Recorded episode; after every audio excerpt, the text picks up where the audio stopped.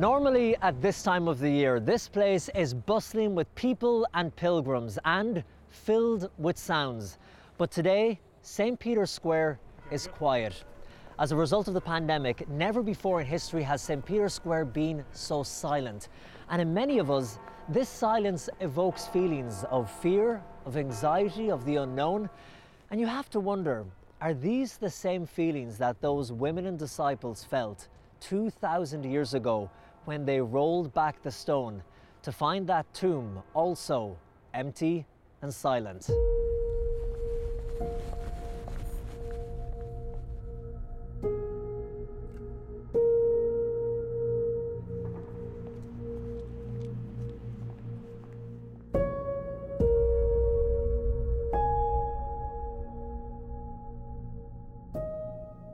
This Vaticano special from Rome, we are going to take you on a journey that goes back 2,000 years in time and to the very center of Christianity. And along the way, we will discover places and stories that still bear witness to that empty tomb in Jerusalem today. Now, to take this journey, we are going to retrace the life of a man, a soldier, and an emperor.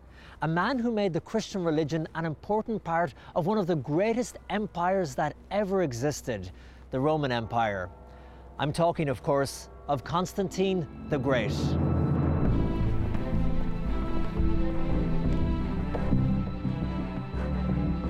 Nicknamed Trachala, which means bull neck, because of his physical appearance, Constantine is the man who brings Roman history and the history of Christianity together. And it all began a few miles away at the gates of the city of Rome with a battle that would change the entire Western world forever the famous Battle of Ponte Milvio. And it was here, on the banks of the Tiber River, that on the 28th of October 312 AD, Constantine would go head to head with his biggest rival, his brother in law, Maxentius, in a battle that would change the course of history. But to understand what happened on that day, we have to stop and go back and ask the question who was Constantine and why did he arrive here with his troops at the gates of the city of Rome?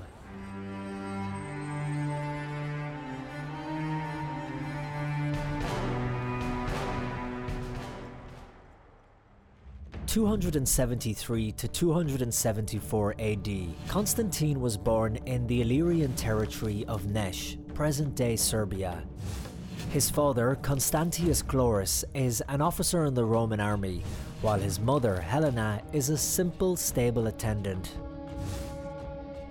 284 AD, in Nicomedia, present day Turkey, the soldier Diocletian becomes emperor. Given the difficulty of governing the entire emperor divided between east and west, Diocletian establishes the Tetrarchy, that is, a government of four, consisting of two who had absolute power with the title Augustus and two vice emperors called Caesars.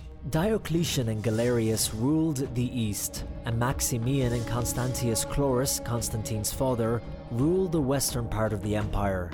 A few years later, a harsh persecution against Christians begins and lasts until the beginning of the 4th century. 305 AD, the two Augustuses abdicate and their respective Caesars take power, Constantius Chlorus in the west and Galerius in the east, as deputy emperors or Caesars are left out. The son of Constantius Chlorus, Constantine, and Maxentius, son of Maximian. 306 AD Constantius Chlorus dies in Britain, and the army acclaims as emperor his son Constantine, who had already been successful in his military campaigns. The same thing happens with Maxentius, the son of the Augustus Maximian. He takes control of Rome. At this point, the tetrarchic system established by Diocletian fell into crisis, and several civil wars began. Constantine aligned himself with Maxentius, taking his sister Fausta as his wife. However, the alliance was short lived. as Constantine betrayed his brother in law and attacked him in order to conquer the capital and take control of the entire West.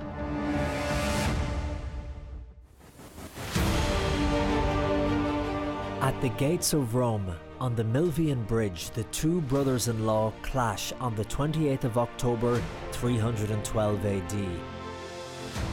According to tradition, on the eve of the battle against Maxentius, Constantine sees in the sky a remarkable sight a trophy of the cross made from light with an inscription that translated read, By this sign you will win. After this omen, the future emperor had a golden pole made in the shape of a cross, with a crown at the top bearing the initials of Christ in Greek, also known as the Christogram, a symbol that the future emperor would also have engraved on the helmets and shields of his soldiers. Constantine and his troops advance here to the banks of the river Tiber and they wait. They wait for the troops of Maxentius. And to find out what happened on that day and how it went on to change the course of history and change the course of Christianity, I'm joined by Filippo Ferlani. He's a professor of medieval church history. Professor, nice to meet you. Why did Constantine declare war on his brother in law? Maxentius was basically considered a usurper both by Constantine and also by Licinius who at that time was the Augustus of the East. And Maxentius was opposed to the great change that was taking place within the empire.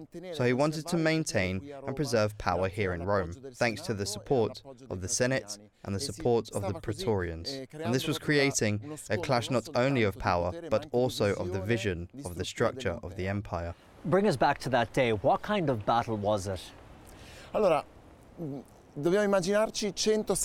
so we have to imagine about 170,000 men clashing a little further north towards Saxa Rubra, and the armies were opposed and deployed in a mirror image, with the infantry at the center. Maxentius had about 100,000 infantry and about 18,000 cavalry lined up on either side. Constantine, on the other hand, had 40,000 men, 40,000 infantry, with about 10,000 horsemen on either side, who began to attack Constantine with his cavalry, which attacked Maxentius's cavalry and annihilated it. At that point, Maxentius was surrounded. He had Constantine's infantry in front and cavalry on either side surrounding and closing in on him. And little by little, Constantine managed to push Maxentius's army towards the Tiber.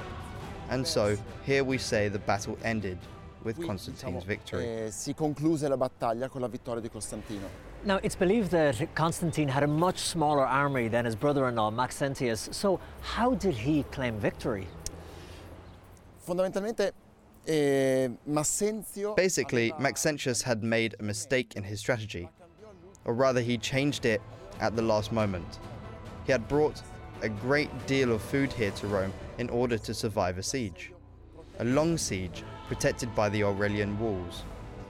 18 kilometers of walls about 6 meters high that protected the city.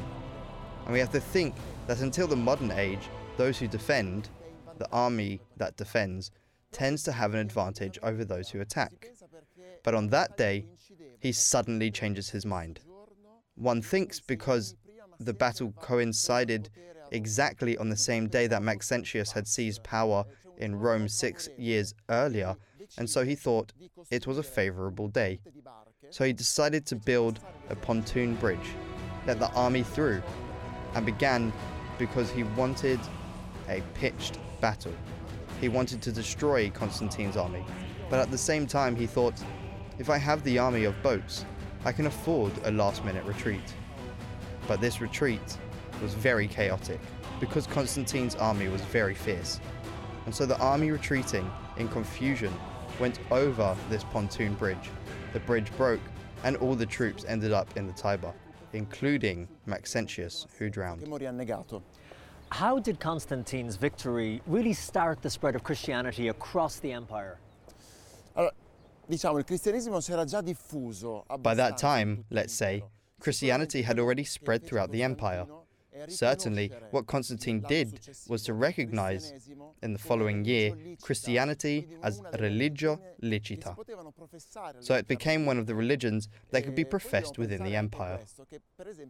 Then we must also think about this. For example, if we do not go to work on Sundays today, it is thanks to Constantine, because it was he who decided to declare Sunday a public holiday. And from that moment on, the whole of the West continued not to work on Sundays. And then he made many other decisions in favor of the Christians, such as giving back the goods that had been confiscated during the persecutions. And he had several basilicas built within the city of Rome, or even in Jerusalem. In this way, Christianity actually gained strength and really became a driving force within the empire. So this really was a battle that was to go on to change the course of history. Clearly, this was one of the most important battles in the history of mankind, and it was one of the battles that changed the history of mankind as a whole. Professor, it was great meeting you. Thank you. You're welcome.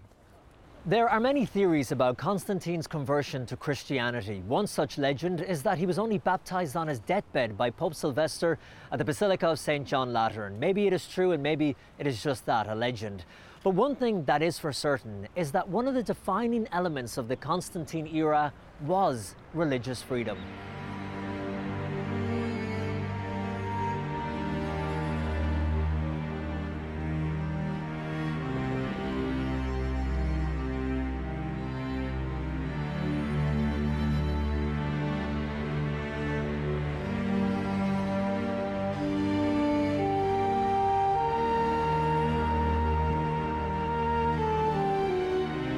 Constantine would go on to travel and leave his mark beyond the borders of the city of Rome.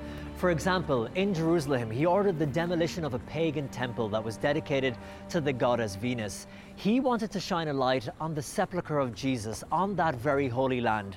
And in its place, he built a magnificent basilica that we now know today as the Basilica of the Holy Sepulchre.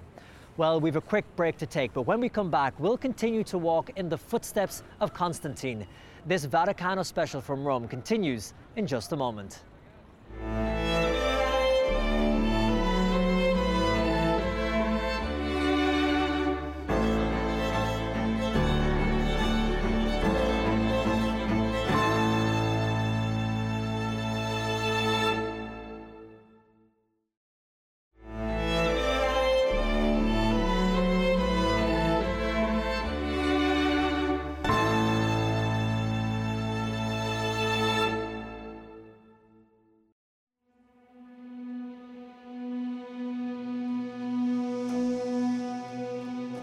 After the victory at the Battle of Ponte Christianity began to spread across the Roman Empire. In fact, it's incredible to think that just 15 years after the death of Constantine, more than 50% of the population of the entire Roman Empire was now Christian.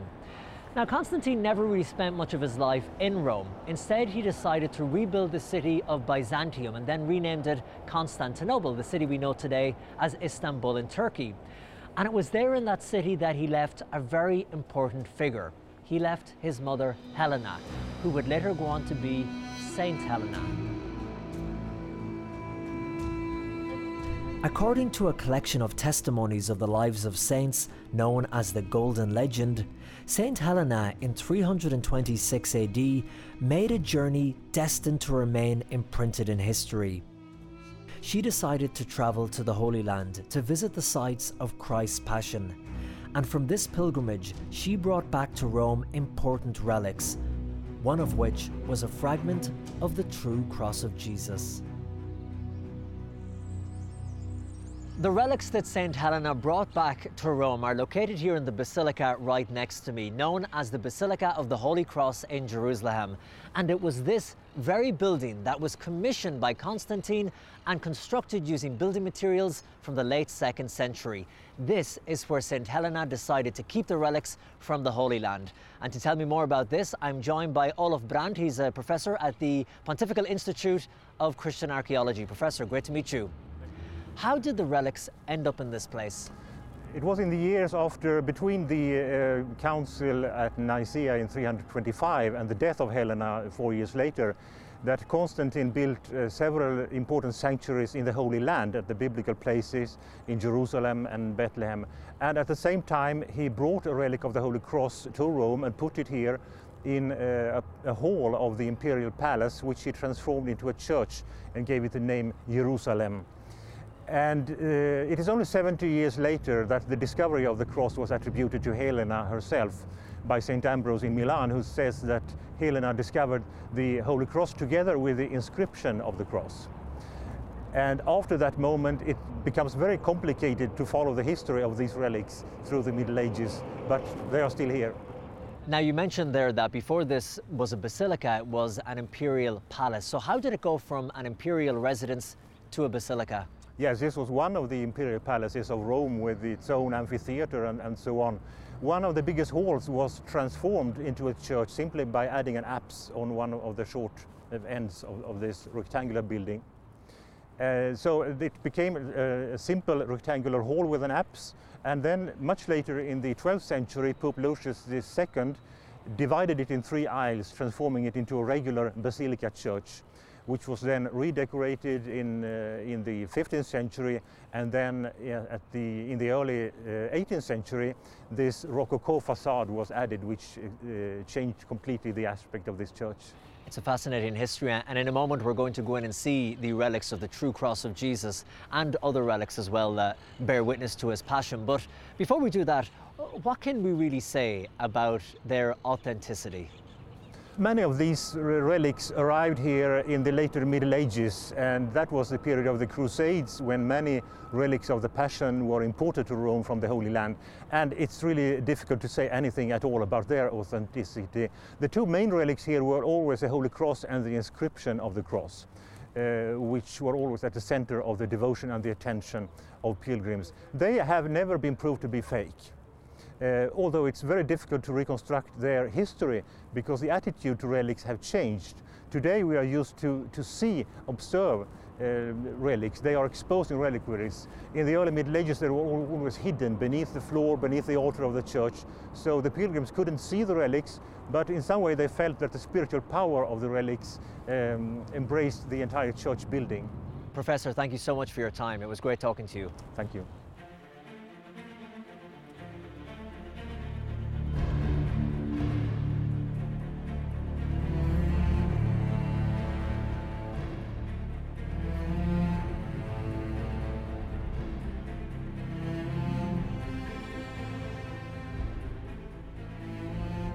Inside the Basilica of the Holy Cross in Jerusalem, and the tradition has been for centuries that on every Good Friday, popes would walk here barefoot to pay homage to the relics of the Passion of Christ.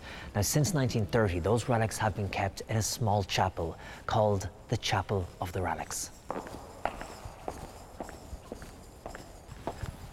Now, that chapel is just up at the top of these steps, and the relics are encased in glass.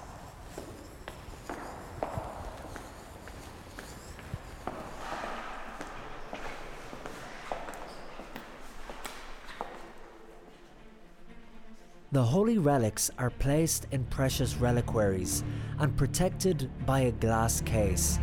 And here is a fragment of the true cross on which Jesus was condemned to death.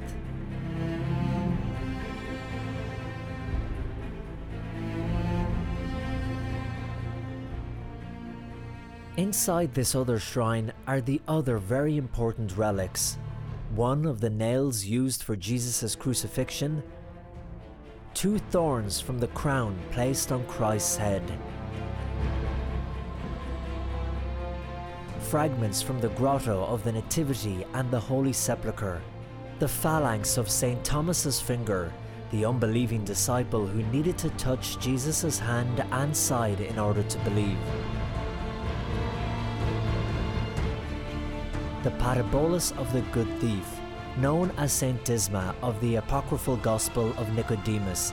He is the one who asked Jesus on the cross to remember him when he enters the kingdom of heaven. And finally, the Titulus Crucis, that is, the tablet written in Hebrew, Greek, and Latin characters, placed on the cross of Jesus, which states the reason for his death sentence Nazarian, King of the Jews. Found in the 15th century, walled up inside the apsidal arch of the basilica.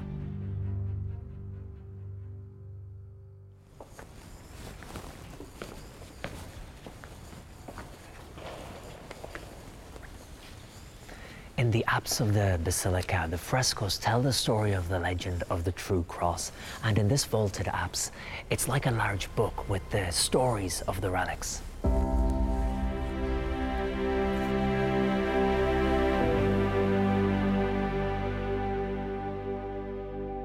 Like reading a book, starting from the left and going to the right, we see Saint Helena already in the Holy Land, in Jerusalem, asking a Jew, not by chance, named Judas, where the true cross is hidden.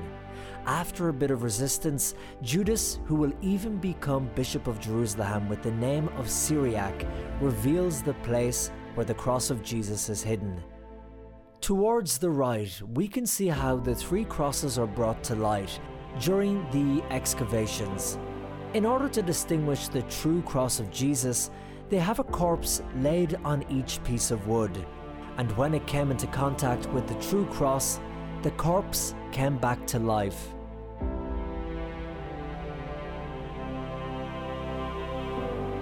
Finally, in the centre of the apse, Helena is seen holding the rediscovered cross.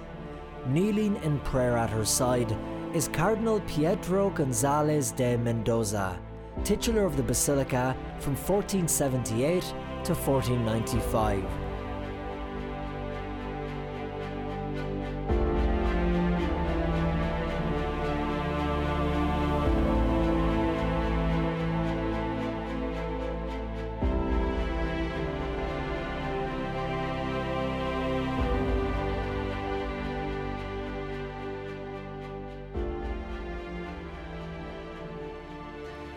Now, the legend of the True Cross states that Saint Helena divided the cross into three parts. The first, she left in Jerusalem.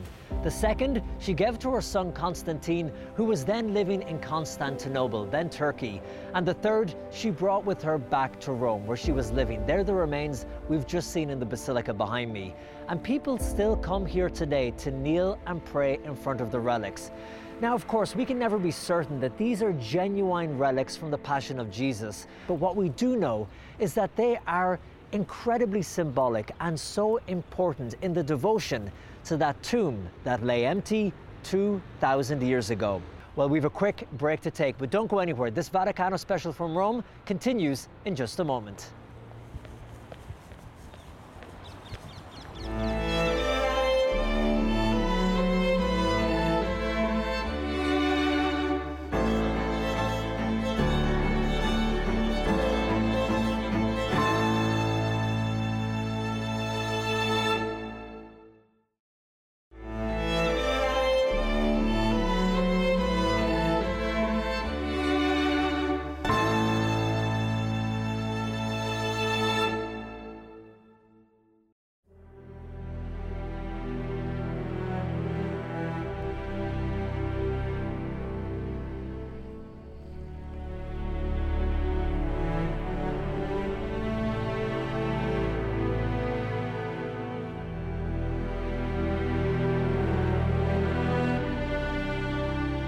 At the beginning of our journey, we started from here, from this square, St. Peter's Square, a place where art and faith come together to create this extraordinary beauty.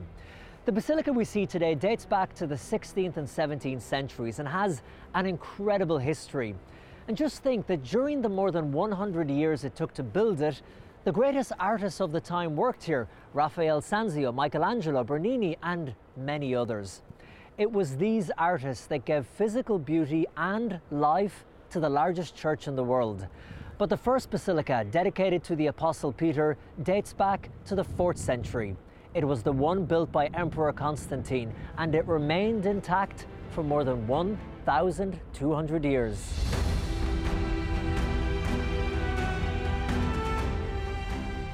Constantine, after conquering the Eastern Roman Empire in 324, decided to build a basilica over the tomb of the Apostle Peter as an offering of thanks for his success in the battle against his rival Licinius.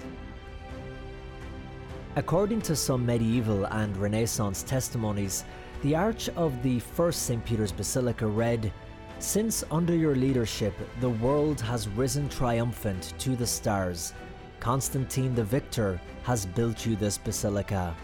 In order to make room for the construction of the basilica, Constantine faced a series of technical and design problems. He had to bury the necropolis in this area, on the slopes of the Vatican Hill, even levelling an entire hill. It was necessary to move over 40,000 cubic meters of earth. All this to build a monument over the tomb of the first pontiff in history, St. Peter. According to a legend, the Emperor Constantine himself starts the construction of the basilica by removing with his own hands the first 12 baskets of earth, one in honor of each apostle.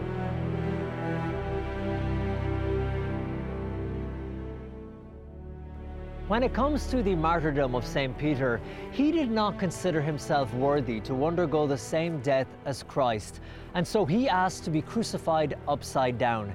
And we still have a visible memory, a silent witness of that, right in the center of St. Peter's Square, the Vatican obelisk.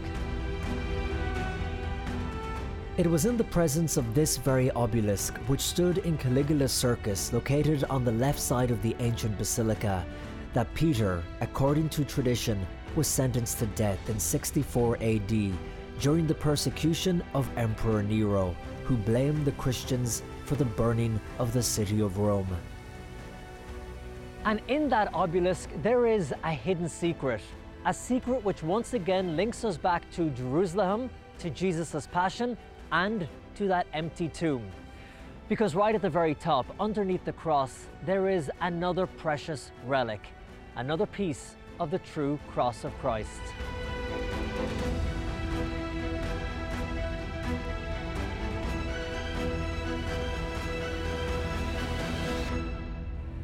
Thank you very much for watching this Vaticano special, and until next time, it's goodbye from Rome.